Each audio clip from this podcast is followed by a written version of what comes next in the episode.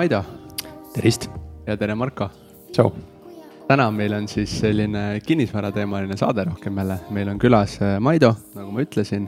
Äh, Maido, sa oled siis äh, Scandium kinnisvara üks asutajatest, vastutades täna siis ettevõtte üldjuhtimise ja ehitusvaldkonna kureerimise eest just, Scandium siis on professionaalne üüri- ja investeerimiskinnisvara arendaja, olles spetsialiseerunud rohkem siis nutikate väikekorterite ja üürimajade loomisele, on mul õigus?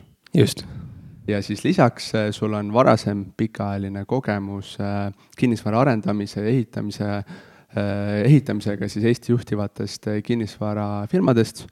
Ja siis kõike seda praktilist kogemust toetavad sul õpingud Tallinna Tehnikaülikoolis ja sul on magistrikraad Aalto ülikoolist kinnisvara investeeringute finantside juhtimises. ja lisaks siis kõigele muule sa oled ise siis üürikinnisvara investor ja, ja pereisa et äh, sinu enamike tänaste tegevuste ühisnimetaja on äh, kinnisvara. et äh, räägi paari sõnaga, miks sa tegeled just kinnisvaraga, kuidas kinnisvarani jõudsid hmm.? elu on, on läinud niimoodi, et äh, miks kinnisvara, ma arvan, et seotud lapsepõlvega rohkem, et, et kui äh, kui eluaeg nagu ehituse kõrval niimoodi üles kasvanud, et siis midagi jääb külge ja suunab ka, et et ma ei tea, kas see on hea või halb, aga meie perekonnas ei tahetud nagu ehitustööd kunagi sisse osta kuskilt, et kõike pidi ise alati kodus tegema, et isa on mul eriti kuldsete kätega äh, mees ka, et siis äh, kõik asjad, mida me oma kodus või siis maakodus, meil oli äh, teraviljatalu, kus me teravilja kasutasime, et siis pidi kõike ise ehitama, et siis väike Maido pandi ka tööle alati, et siis haamer käes olen kasvanud, et et, et see mõjutas, mõjutas ilmselt siis nagu sellist äh, karjäärisuunda. Äh, mingi hetk ma teadsin, ma tahan arhitektiks saada. Äh, käisin pikalt kunstikoolis. õppisin aasta aega Inglismaal, kus ma siis äh, keskendusin ka kunstile, tegin EKA-sse sisseastumiskatsed. võib-olla tabasin, et äkki päris, päris nagu arhitekt ei peaks olema, et siis läksin ehitusinseneriks õppima. õppisin, õppisin ehitusinseneriks, siis siis tuli vahepeal kaitsevägi, kus ma olin ka nii-öelda ehitusüksus või pioneeripataljonis ja, ja siis mingi hetk äh, veel tabasin, et, et, et, ähm, et peaks keskenduma hoopis kinnisvara investeeringute juhtimisele, finantsidele, et selline kõikehõlmav lai ettevalmistuspõhi on olnud. Ja, ja, siis, kui ma mingi hetk ühte kinnisvarafirmasse tööle sattusin, siis see juba, juba suunas edasi, et, et äh, tekkis laiem huvi ja kogemus kinnisvara arendamise ja ehitamise vastu. Sellesse kinnisvara arendamise poolde me tuleme natukese aja pärast tagasi ka, räägime rohkem sellest turust ja, ja Scandiumi tegemistest ka, aga enne võtaks ette sinu enda sellise investeerimispoole. et sul on endal ka investeerimisportfell, äh, räägiks mõne sõnaga, et äh, mis sul portfellis on, milline selle, mis, milline on selle ülesehitus? see on ajapikku päris palju muutunud, et, et kõige esimene, kõige esimene ost üldse kunagi väljaspool kinnisvara oli üks kuldmünt. aga see oli nagu täiesti nagu niisugune kõrvaline katsetus, aga aga, aga kinnisvara poole pealt äh, kõige esimene ost oli kunagi üks kaheteist ruutmeetrine korter Akadeemia teel. ja, ja sealt ma sain sellise praktilise kogemuse, kuidas on ühte väikest üürikorterit äh, omada äh,. mis on selle võlud, mis on valud, peamiselt võlud ja, ja sealt hakkas nagu palju hargnema, et et töötades ise kunagi Endover kinnisvaras, siis äh, me arendasime äh, paari projekti, kus me tegime ka väikseid üürikortereid, et sealt ma omandasin neid juurde.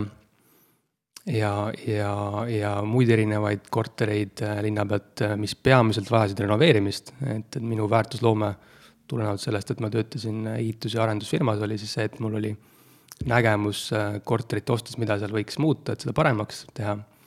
et kuidas väärtust juurde anda ja, ja peamiselt ma olen neid siis äh, ostnud, äh, kas hoidnud ja müünud või hoidnud, parendanud ja müünud.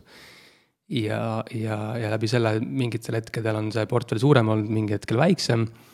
täna pigem minu enda isiklik portfell, mida me abikaasaga haldame, on siis äh, pigem mitte nii suur kui Scandiumil, et tegelikult põhirõhk läheb sellele, et Scandiumi portfelli üles ehitada ja, ja kasvatada aga seal on suurusjärk kakskümmend üürikorterit, äh, millest enamus just praegu saab valmis, et me hakkame nüüd see suvi neid just üürile andma. ja olen müünud siis sealt äh, nii-öelda taustalt siis jälle vanu kortereid ära, mis on mõnda aega olnud. et, et see uus varu, mis peale tuleb, on alati parem kui, kui vana, et, et et nii-öelda otsast müün ja teisest otsast ostan sisse, et see number on üsna stabiilne praegu. Aga mis, kas seal on mingi loogika või strateegia ka, mida sa oled jälginud portfelli ülesehitamisel? jah, loogika on mul praegu see, et, et mida vanemaks ma saan, seda mugavamaks nagu muutun, et ta väärtustan oma, oma vaba aega. et see, need üürikorterid, mis mul portfellis oleks, oleks võimalikult mugavad. et need, mida ma otsapidi olen müünud, too hetk täitsid oma ülesannet väga hästi, aga, aga lihtsalt täna ma hindan seda mugavust, kus mul oleks võimalikult vähe vaja tegeleda selle korteriga. Alates väga lihtsatest asjadest, et, äh, et üürniku käest veenäit koguda ja neid teatada siis korteriühistule, et, et, et sellist asja mina enam teha, teha ei viitsi, et et aga, aga olukorras, kus mul oli ühes majas kolmteist korterit, iga korteri veenäit teada saada, õigel ajal edastada, et need veenäidud enam-vähem nagu õiged püsiksid, kui üürnik välja kolib, et sealt siis mingi väga suur ähm, nagu võlgnevus ei teki, siis ähm, et üsna tüütu. Ja teiselt poolt äh,, mida ma olen müümas, siis äh, sellised korterid, kus üürnikud väga hästi ei püsi sees.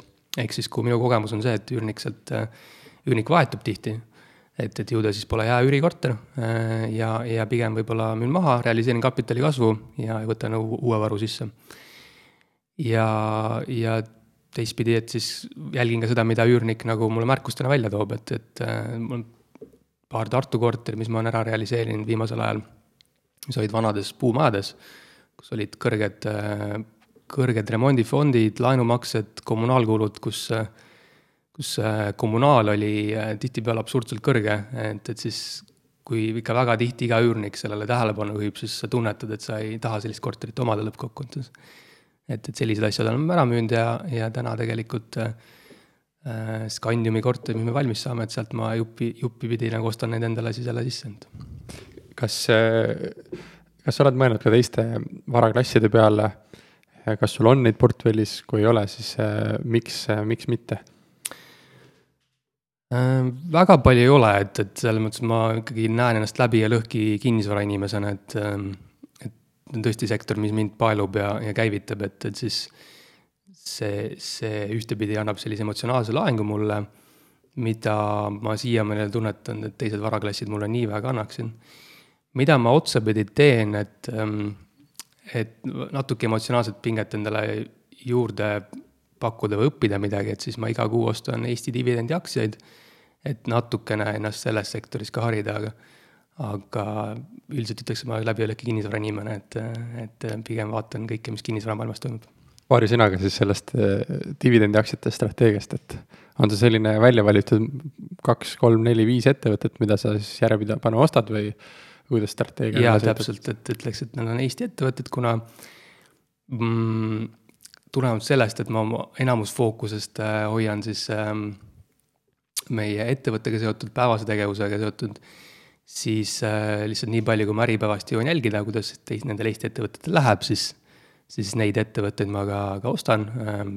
LHV-d, äh, Tallinna Kaubamaja, Tallinna Sadamat, iga kuu kindla summa eest ähm,. et niisugune lihtne alustaja strateegiast äh, aktsiainvesteeringute valdkonnas.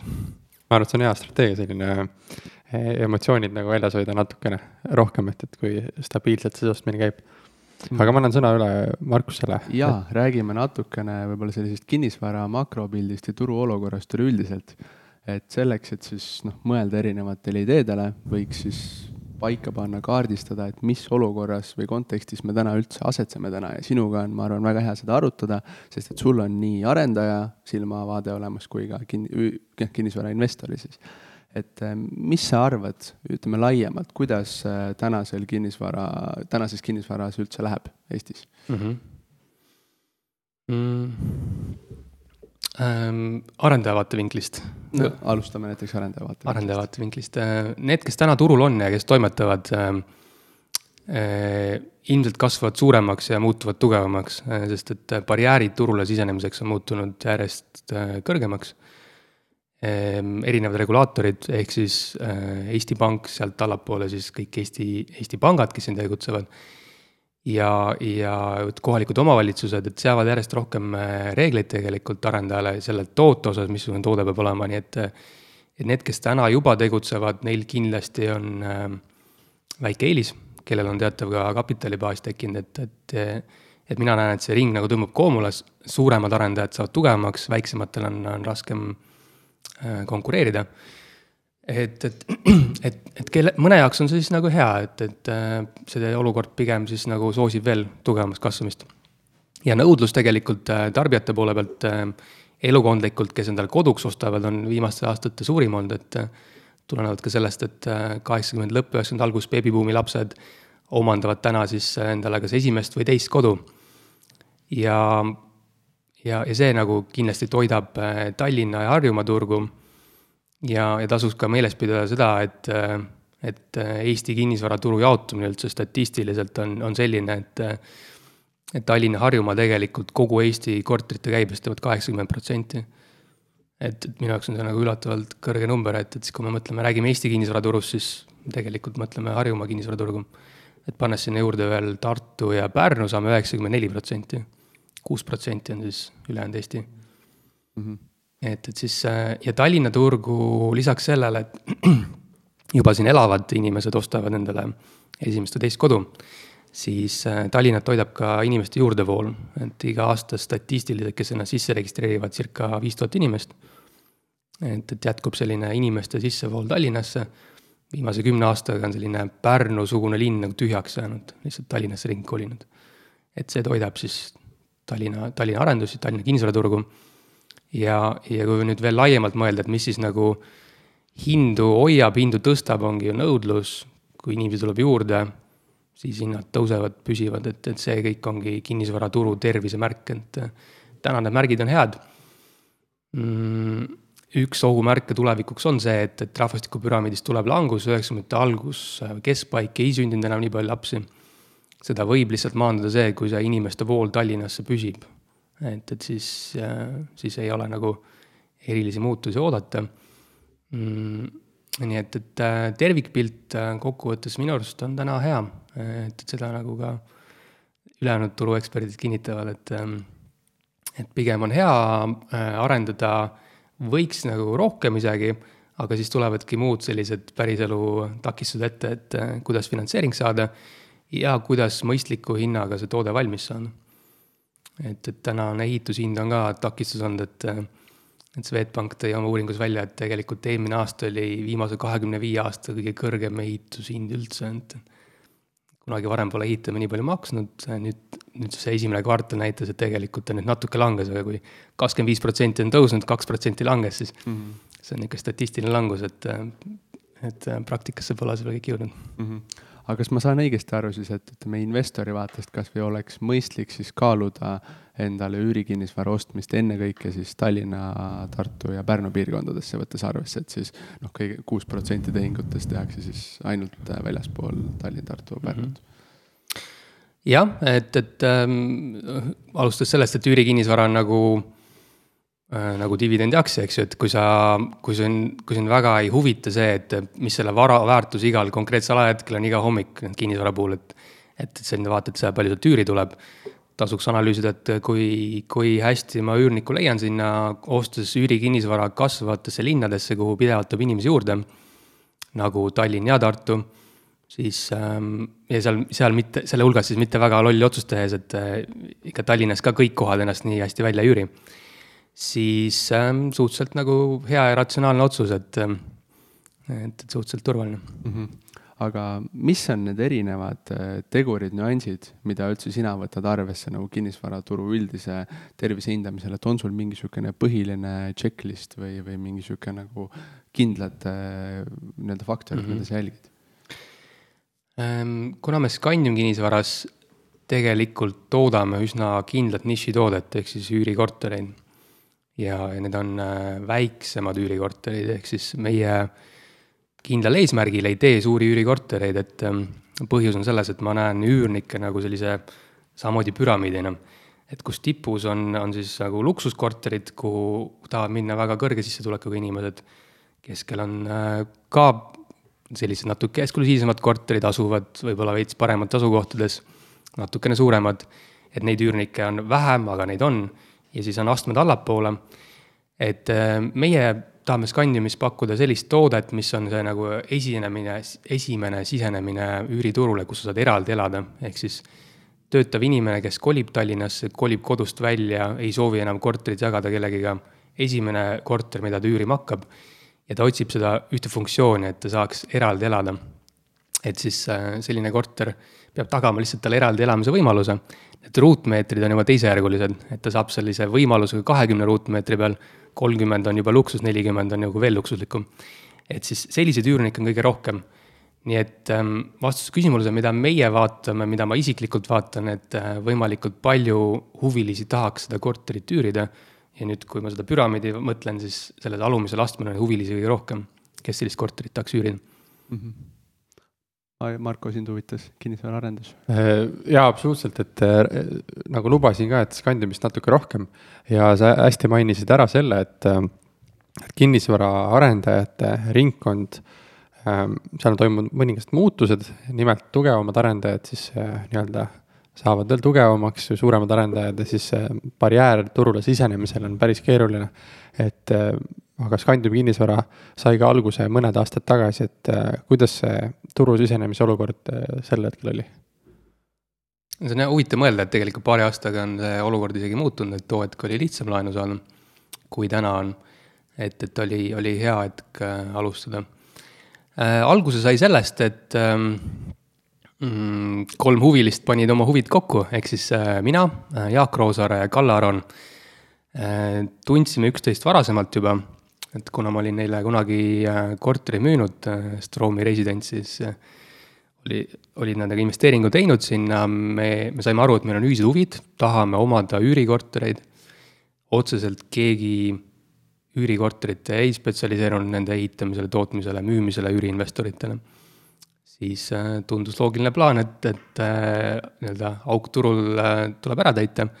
me tegelikult plaanisime hakata ainult endale ehitama aga töö käigus, äh, kuna huvi oli suur äh, meie nii-öelda korterite vastu, siis äh, tegelikult hakkasime müüma neid ja, ja täna on see olnud lihtsalt nagu viis, kuidas meie kapitali kasvatada kiiremini, et me tegelikult pikas perspektiivis saaksime rohkem keskenduda just sellele, et me oma vara omame.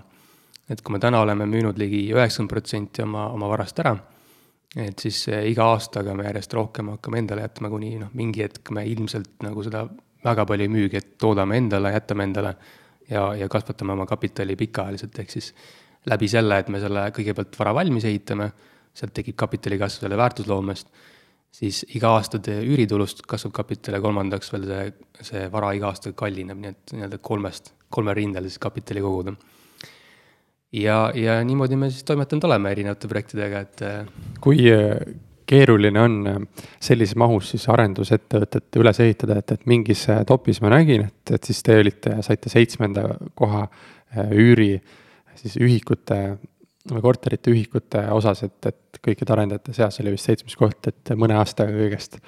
ja, ja ees olles päris suurtest nimedest ka. Kui keeruline on selline arendaja arendaja vaatevinklist ähm, eduka äri ülesehitamine? ta lihtne ei ole, sest muidu, muidu kõik teeksid. et ega tühja koha pealt ilmselt ei teegi, et, et sellel on tegelikult eelnenud ju pikk aeg, kui, pikk aeg, kui on kogemusi kogutud. ja, ja kindlasti Scandium täna ei oleks see, kui keegi meist kolmest partnerist seda üksi teeks, et, ähm, et see ongi kõigi meie kolme ja meie väga head kolleegide ja töötajate ühispanus.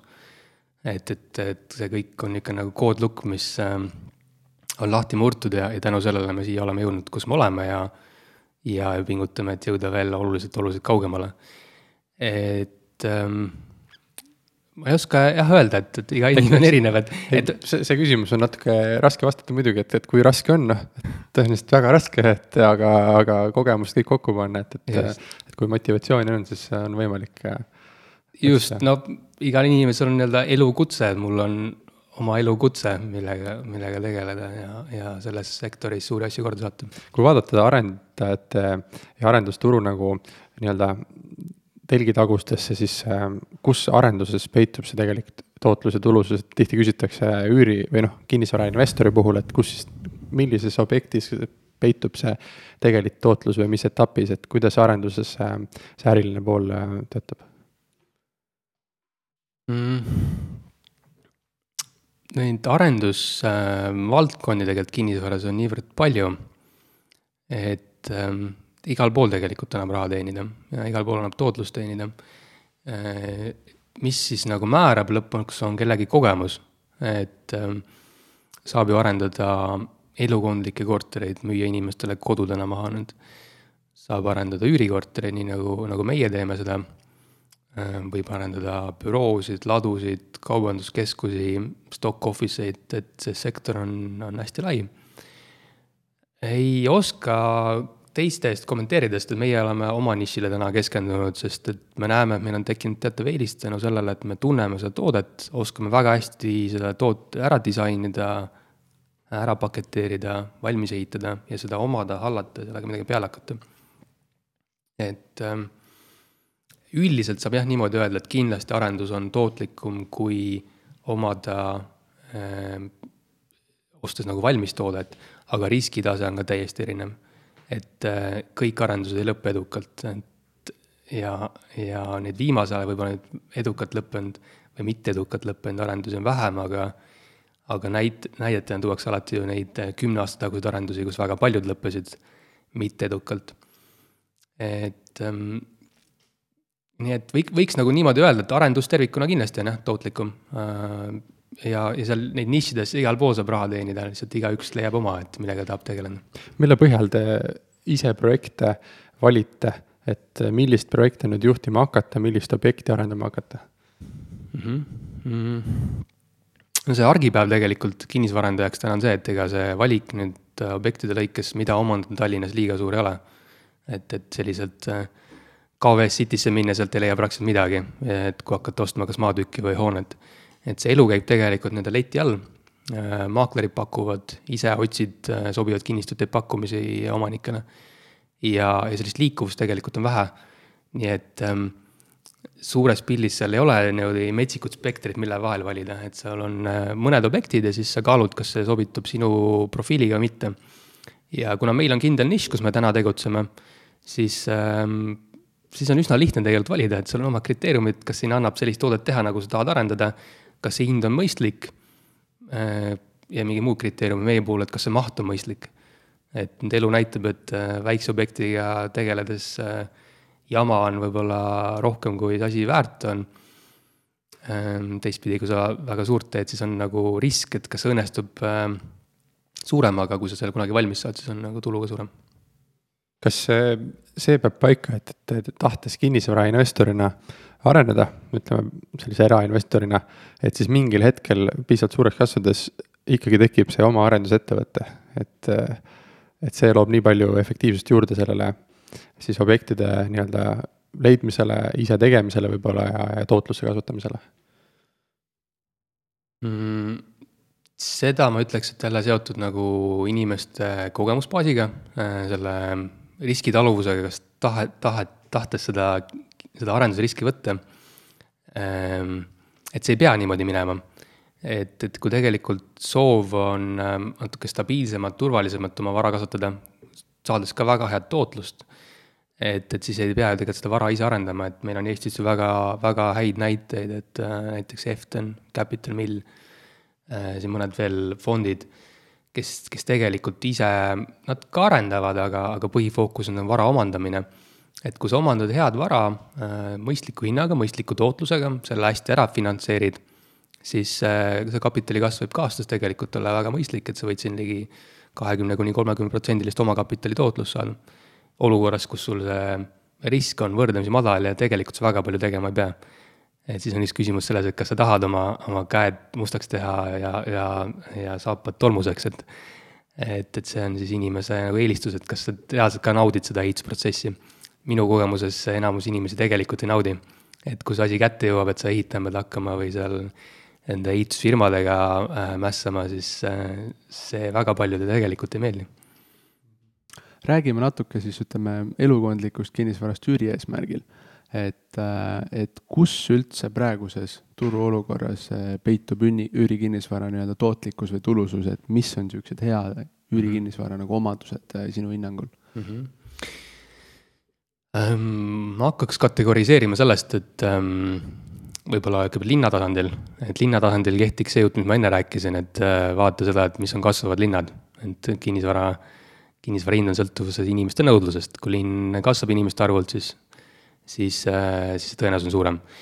valides ära linna, siis ma, ma hakkaks sealt vaatama, et ähm, äh, liikudes nii-öelda vanalinnast, kesklinnast äärelinna suunas, et vanalinn, kesklinn on madalamad üüritootlused, kuna see vara asub paremas asukohas, siis ta on turvaliselt stabiilsem ähm,, siis see tootlus on samamoodi seotud sellega siis kõrgemat tootlust saab minnes kesklinnast natukene kaugemale.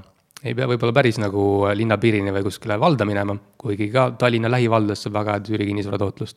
siis see tootlus kasvab niimoodi, et tsentrist väljapoole liikudes. ja teine loogika, kus, kuidas tootlus kasvab, on äh, siis korteri suurusega seotud. et see on see näide, mis ma enne rääkisin, et äh, üürnik otsib funktsiooni, mitte äh, ruutmeetrite arvu. kui sul on eesmärk eraldi kolida, siis siis sa ei pane teda KV-sse, noh, sa võid panna, aga tihtipeale pigem pannakse toalisust kui ruutmeetrit, otsitakse funktsiooni, et mitmetoalisema korteri võtta nüüd. ja, ja siis on niimoodi, et kui sa suudad väiksema pindala peale paketeerida rohkem funktsiooni, et rohkem ühetoalise funktsiooni, eks sul on selles ühetoalises võimalikult hästi ikka ära liigendatud, või väike kahetoaline, siis äh, üürnik on nõus maksma selle väikse korteri eest praktiliselt sama palju kui suure korteri eest.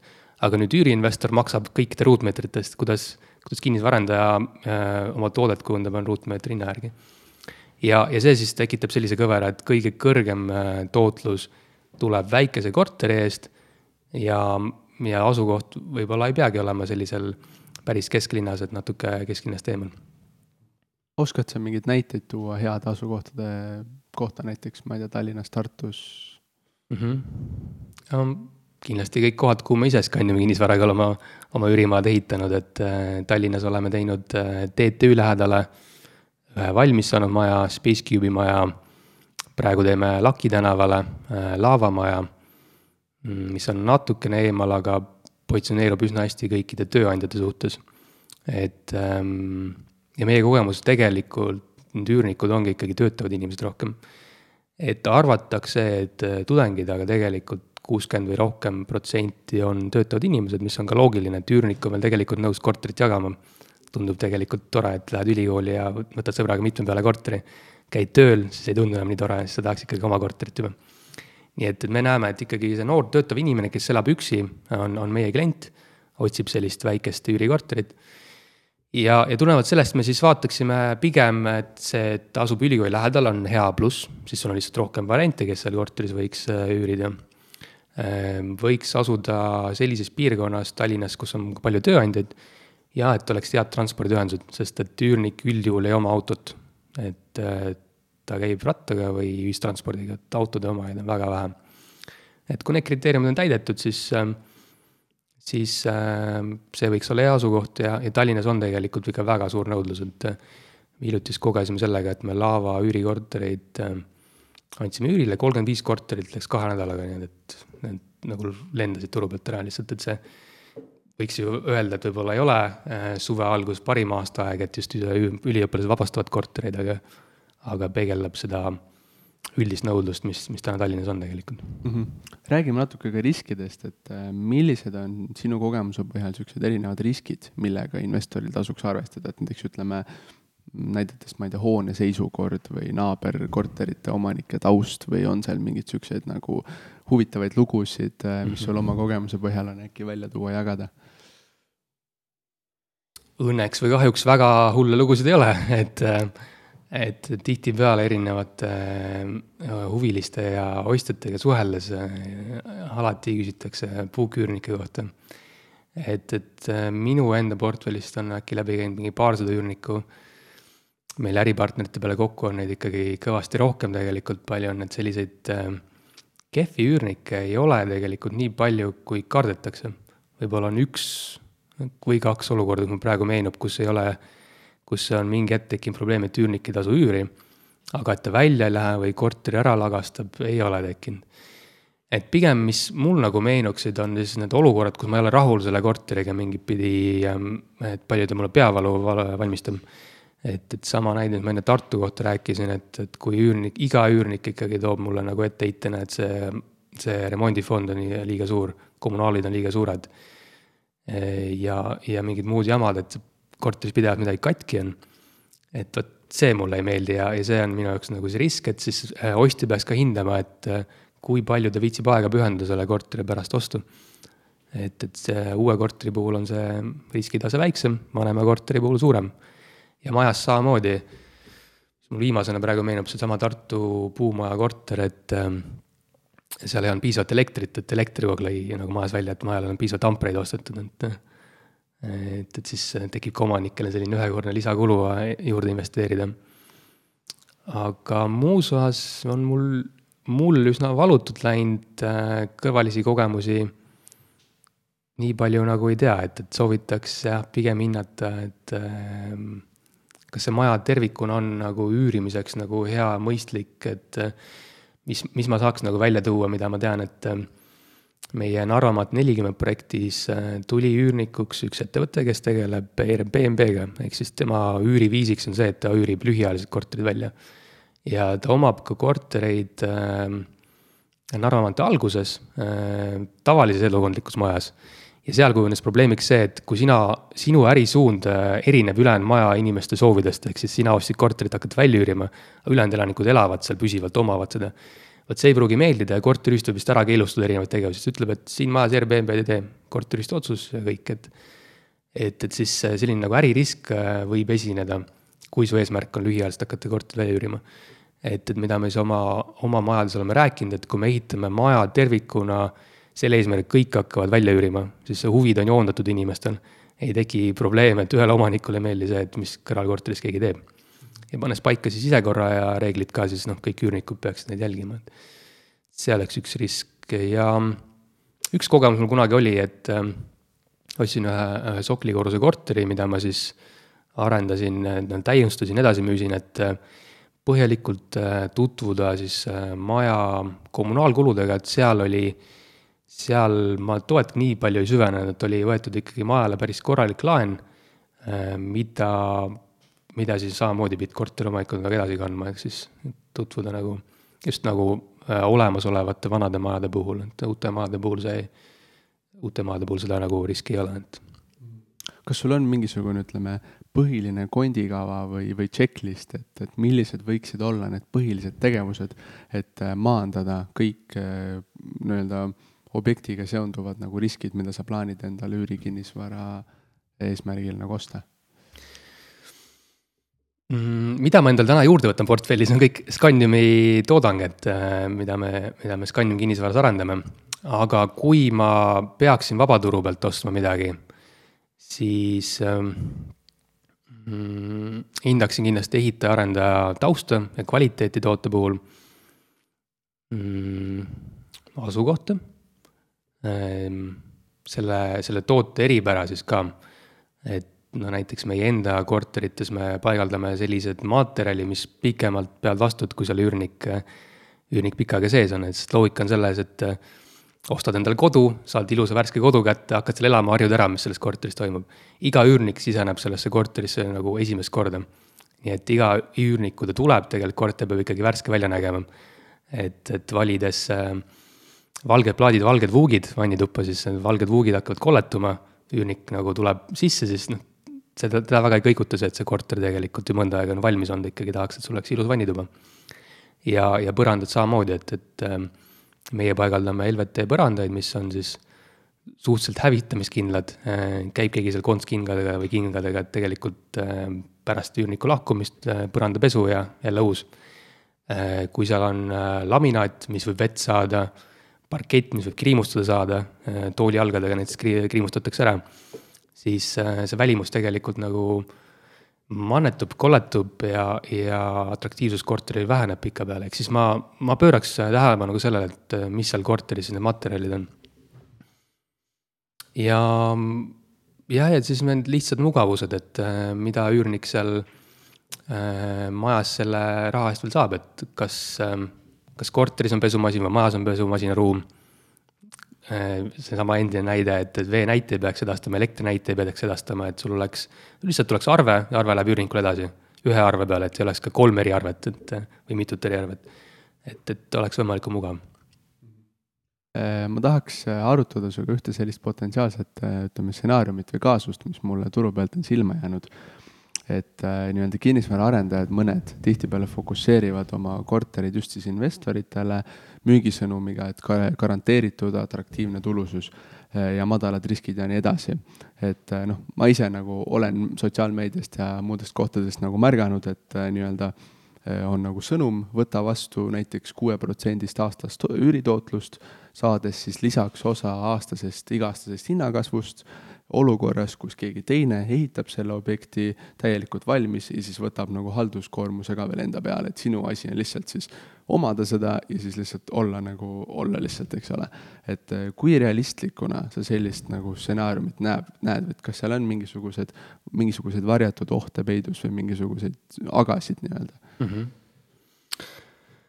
ähm,? arendaja vaatevinklist see on üks viis, kuidas seda toodet müüa ja paketeerida, et ähm, et selle korteri võid osta ka ilma üürigarantiita, tõenäoliselt sa saad ise välja üürides kõrgemat tootlust. siis on äh, küsimus nüüd siis äh, investorile, et kui palju ta äh, tahab aega ja vaeva näha selle korteriga.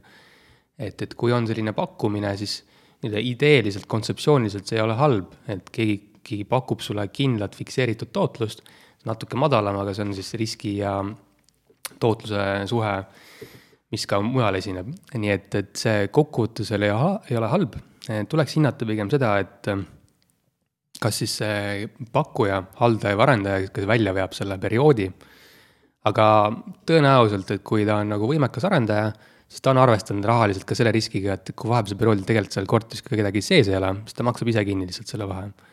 et, et ostja põhirisk on siis äh, nii-öelda äh, vastaspoole risk, noh sama vist nagu ma aru saan ka ühisrahastusplatvormidel, kes pakub siin garanteeritud tootlust, siis tegelikult sisuliselt sa võtad selle vastaspoole riski, et kas ta suudab seda garanteeritud tootlust ka pakkuda hiljem, et siis tuleks mm -hmm. sama hinnata. okei okay., kas äh, nende samade pakkumiste puhul ähm, äh, siis investor, kes selle korteri nii-öelda ostab ähm,, kas temale kehtib nagu natuke teistsugune dünaamika korteri hinnastamisel ka, et tihtipeale hinnastatakse neid siis läbi selle potentsiaalse üüri eh, või selle tootluse, mis sa saad, mitte niivõrd siis eh, suure korterite puhul on rohkem ruutmeetri hind see näitaja, et siis nende puhul on rohkem see tulem, mis sa saad mm. -hmm jah, et suuri kortereid, elukondlikke kortereid arendajad hinnastavad ruutmeetrite järgi. väiksema korteri puhul, mis on spetsiaalselt arendatud ikkagi väljaüürimiseks, siis ähm, päris ruutmeetri põhjal ei oleks mõistlik, et, et taustalt võin selgitada, et ka see tootmishind on sellistel väikestel korteritel oluliselt kõrgem kui tavakorteritel, et korteri hinnast enamuse annavad äh, eriosad äh,, sunroom'id, elektrikilp äh,, kõik sellised nüansid. ja kui sul üheksakümne ruudu peal on üks sunroom, aga sa teed äh, selle sisse näiteks neli ja viis, siis tegelikult sul on selle sama ala peale viis korda rohkem kulu eriosadele mis lükkab seda ruutmeetrite arvu ülesse. väikeste korterite puhul siis äh, müüdav pind kogu maja brutost on ka tegelikult väiksem, ehk siis arendaja kasulik pind kogu sellest realiseeritust mahust on väiksem, su kulud per müüdav on, on oluliselt kõrgemad. ehk siis äh, arendaja, kes teeb üürikorteri, pigem hinnastab üüritootluse järgi. et, et vaatab, et, et mis on see turutase, millega on klient üüritootluse mõistes nõus ostma, et sellega ta müüb elukondliku arendaja pigem vaatab, mis on see turutase, millega nii-öelda üks ruutmeeter, mida, mida klient on nõus ostma, et need lähte, vaatevinklid on erinevad mm. -hmm. ma arvan, et see on oluline, millest, millest peab aru saama, et kui invest-, investori kingades olla ja sellist äh, siis investeerida nii üüri, üürikorterisse, ütleme väikse, väiksemasse või siis ostad, ostad juba suurema arendaja käest mingit suuremat.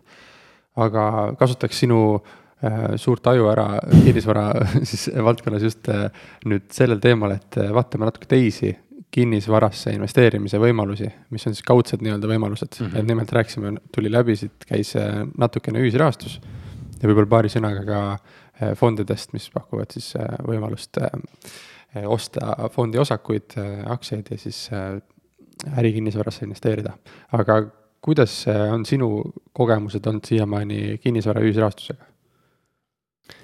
Äh, oma raha panustanud ei ole, aga ma väga aktiivselt jälgin neid portaale, minu jaoks on see hea viis, kuidas lihtsalt jälgida, mida turul toimub, sest et Crowd Estate näiteks avaldab väga põhjalikult iga, iga projekti kohta äh, info. et ma huviga loen alati neid, et see on minu jaoks nagu hea viis, kus turu pealt nagu natuke infot korjata. Estate Gurus natuke vähem, aga ka ikkagi jälgin, et mis seal toimub miks mina ei osale, lihtsalt, et kui, kui me oma raha kasvatame läbi oma arendusettevõtte, siis ma lihtsalt ei näe sellel pointi. et usaldada oma raha kellegi teise kätte, kes teeb sama asja, nagu mina teen. Ehm, mis ei tähenda, et need oleksid siis halvad äh, kohad, kuhu oma, oma raha paigutada. et ähm, olles äh, kinnisvarainimene, siis ma muudest äh, valdkondadest võib-olla nii palju investeerimissektoris ei julge midagi arvata, aga mis on kinnisvaraga seotud, ühisrahastus on Need kaks suuremat portaali, mis meil täna Eestis on, on äh, väga mõistlikud. Äh, nende raames lihtsalt mulle tundub, et kõik investorid ei taju äh, seda alusvara riski. ehk siis, et kui estate gurus on väga lihtne, et sul on tagatud laenud, kõik laenud on tagatud, seda tagab siis hüpoteek kinnisvarale. kõik on väga ühene, sisuliselt seal väga palju nagu mõtlema ei peaks kellel on võimalust seal mõnikord tegelikult äh, natuke süübides on näha, et, et kas selle arendaja taust konkreetselt on hea, kui tegemist on suurema laenuga. väiksemate puhul, kui on nagu sellised seitsmekümne, saja tuhandesed äh, üksikprojektid, siis tegelikult ilmselt hajutamise põhimõttel nagu väga palju sinna aega, aega nagu panustama peaks. Äh, crowd estate'il on samas nagu väga erineva riskitaseme ja, ja kapitalikihiga projektid et ähm, seal on, on nagu erinev riskitase ja mis mind lihtsalt täna üllatab, on see, et äh, omakapitalilaen, mis on põhimõtteliselt laen ilma tagatiseta ja tagatud laenu intressivahe on, on väga väike. et, et see on minu jaoks nagu üllatav, et kas investorid ei, ei hinnasta siis nagu erinevalt, et ühel juhul sa võid äh, rahast täiesti ilma jääda, teisel juhul siis tagatis nagu tagab seda. see tagatise realiseerimine pole alati edukalt läinud, on näiteid tegelikult, kus äh, oskuslikult pahatahtlik vastaspool suudab venitada tagatise realiseerimist. aga tervikuna suures pildis äh, on see, on see nagu ikkagi hea tagatis, seal üldjuhul saab raha tagasi. et siis äh, mida ma üritan nagu mõista ja mis, mis mõneti vajab võib-olla ühte head siis kriisi, et et kui inimesed saavad kogemuse selles, et kuidas on erinevad Mm, tagatiste puhul siis selle raha tagasaamise protsess, et siis see peaks lõpuks intressimäärasid muutma. ehk siis äh, pikas perspektiivis mina ootan tegelikult, et see äh, tagatud laenu intress peaks olema madalam. sealt ühelt poolt tekib rohkem huvilisi, kes oma projektidega läheksid estate gurusse, crowd estate'i äh, raha kaasama. teiselt poolt tahaks väita, et see on investorite oluliselt turvalisem, et kui sul täna on hoiuseintress null ja, ja siis hetkel on kuskil seal kümme kuni kaksteist tagatud laen, siis tegelikult ka kuus protsenti oleks nagu väga hästi olukorras, kus on tegelikult suhteliselt hästi tagatud. et see rahast ilmajäämise risk on nagu väike. ja omakapitali äh, projektide nõudlus vist tuleneb sellest, et äh, tootlusel ei ole ka niivõrd palju klaaslage ees. tihtipeale siis omakapitali investorina on võimalik sul saada projekti edukuse ka kõrgemat tootlust ja ma arvan, et, võib-olla varasemad projektid, mis on väga hästi läinud, mis toid seal investorile kakskümmend kuni nelikümmend protsenti tagasi, et need on siis selle tooni seadnud äh, ka tänastele omakapitali investeeringutele. tõsi, need on siis täitsa nagu sinna omakapitali kihti. ma isegi enne mõtlesin siis ähm, äh, põhimõtteliselt siis äh, võlakirja, mis on ilma, ilma nagu sellise otsese kinnisvara tagatiseta, see on see ettevõtte bilansi vastu laen. mis on lihtsalt siis kapitali struktuurilt asub äh, tagapool tagatud laenust, äh, omakapitali ja seeniorlaenu vahel. et, et võiks öelda, et selle intressimäär tegelikult on isegi paigas, et äh, nagu ka õpiku näide on, et viiskümmend kuni, viisteist kuni kakskümmend, kakskümmend protsenti võiks olla mesanin laenu intress. nii ta tegelikult ka on Eestis nende portaalides. et lihtsalt tekib küsimus, et miks on tagatud laenu intress täna niivõrd kõrge, et võikski öelda, et investorite janu on, on niivõrd suur et, et ta ei ole allapoole läinud, ma arvan, et ta pika perspektiivi peal läheb allapoole, et aga lihtsalt inimesed võiks mõista, et seal taga on ka tegelikult majanduslik loogika.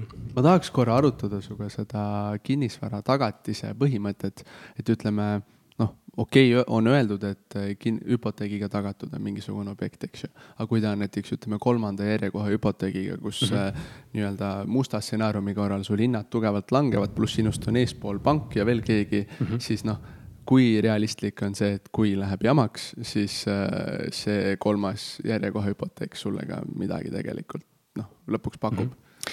-hmm.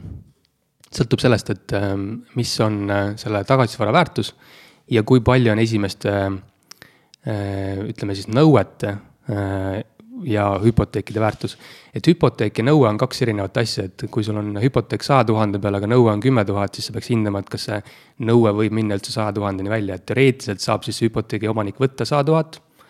aga kui ta tegelik laen on kümme tuhat ja see ei akumuleeru intresside viiviste tõttu niivõrd kõrgele, siis tegelikult ta võtab sealt noh, ütleme kümme kuni viisteist tuhat ära ja, ja järgmiste kihtidega samamoodi, et järjekord tähendab siis seda, et kes nagu esimesena võtab, kui vara läheb äh, sundrealiseerimisele, mis järjekorras raha hakatakse jagama.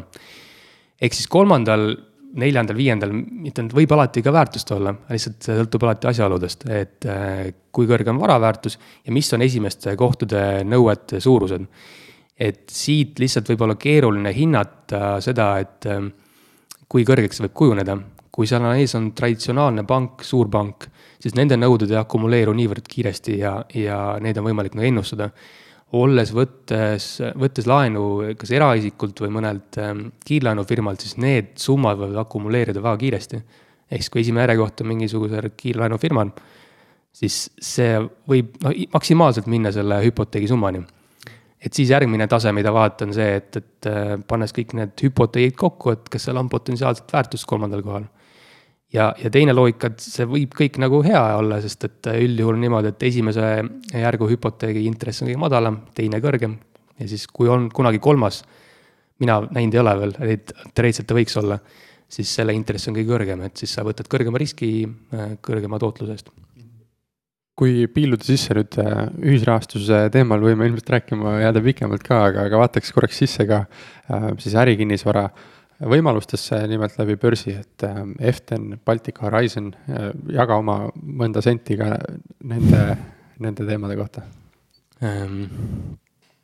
mõlemad on väga mm, respekteeritud firmad kõrvaltvaates ja mulle, mulle kindlasti imponeerivad, et äh, mõlemal on oma nišš, et nad kergelt eristuvad üksteisest ehm,. ja mõlemad on hea viis tegelikult täna äh, oma vara kasutada investoril, kes ei tahaks täisajaga tegeleda kinnisvaraga. ehk siis äh, palgatöö kõrvalt oma vara kasutada, suhteliselt turvaline viis. suhteliselt hea viis, kuidas saada osa kinnisvara väärtuskasvust. et, et äh, olukorras, kus meil räägitakse täna pensionide, pensionisammaste vabaks laskmisest, siis tegelikult nagu häid kohti inimestel, kuhu raha paigutada sellises olukorras ei ole tegelikult Eesti kapitalimaastikul liiga palju et, et mina, mina ütlen nagu häid sõnu. Ehm, need, kes tahavad lihtsalt ise oma käsi siis nagu külge panna, eh, neil tasuks siis võib-olla mõelda nagu selliste ühekaupa asjade ostule. aga fondid annavad kindlasti väga hea hajutatuse ja hea juhtimise, ehk siis sa sisuliselt naudid ainult äh, dividendi ja võimalikku kapitali kasvu mm. -hmm. üks asi, mis meil lihtsalt ennast nagu huvitama jäi, et äh, me enne rääkisime Tallinnast, Tartust ja Pärnust, eks ole, nendest atraktiivsetest kinnisvarapiirkondadest. Äh, on ka mingisuguseid niisuguseid näiteid äh, enda kogemuse põhjal sul, mida sa oskad tuua, et millistes Eesti piirkondadest äh, väljaspool nende põhikolmikud võiks nagu veel leida atraktiivset üürikinnisvara ja ütleme, miks just nendes või mis see nagu mõtteloogika seal taga on? Ehm, ma täiendaks, täiendaks oma mõtet sellega, et atraktiivset tootlust võib leida Kahtmelt ja Kohtla-Järvelt. et ostad korteri, üürid välja, saad kolmkümmend protsenti nagu netotootlust.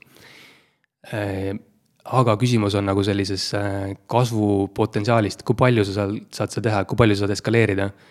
Ehm, ehk siis minu nagu point on keskenduda linnadele, kus pikaajaliselt saab nagu väga palju kapitali akumuleerida Eh, et väikelinnades tegelikult on samamoodi võimalus väga hästi alustada. et, et lihtsalt siis mingi hetk tuleb piir ette, et kus sa avastadki, et sa oled äh, kohaliku linna kõige suurem kinnisvaraomanik ja mis siis edasi saab. et ma kindlasti soovitaksin kuskilt alustada ja, ja tihtipeale need väikelinnad võivad nagu väga hea sellise sisenemisbarjääri anda, et kui sa saad korteri osta kahe tuhande euroga. et sul ei olegi väga palju vaja, saad võib-olla hea kogemuse lihtsalt suur risk või suur tootlus on jälle omakorda nagu riskiga seotud, et kuna sul sinna, sinna ei pruugi olla nii, nii suurt inimeste sissevoolu, et siis, siis see korter võib tühi olla, et sul on nagu risk, et kas sa sinna üürnikule ei jäänud. Eh, tahaksin eh, küsida nüüd eh, siit üle minnes natuke teise teema peale, aga et kuidas kinnisvara turuga, kinnisvaraturu võimalustega kursis olla, et milliseid allikaid sa ise jälgid igapäevaselt, kus sa ammutad kvaliteetset informatsiooni mm.? no väga palju infot tegelikult liigub nagu sektori sees meil, et kui, kui maakleritega suhelda äh, ja, ja, ja lihtsalt olles nagu selles elu keskel, siis, siis sa väga palju nagu tead ja kuuled. aga minu nagu äh, uudisvoog, mida ma jälgin, on Äripäev kindlasti, kinnisvarauudised, City kakskümmend neli kinnisvara uudiste sektsioon, et Eesti näitel. Ehm, see on põhiline, põhiline voog põhiline info liigub äh, tegelikult ka inimestelt inimestele, on ju, selles sektori sees. just, et, et maaklerid on väga informeeritud ja alati valmis oma infot jagama. jah, neil on omad äh, kasvud mängus.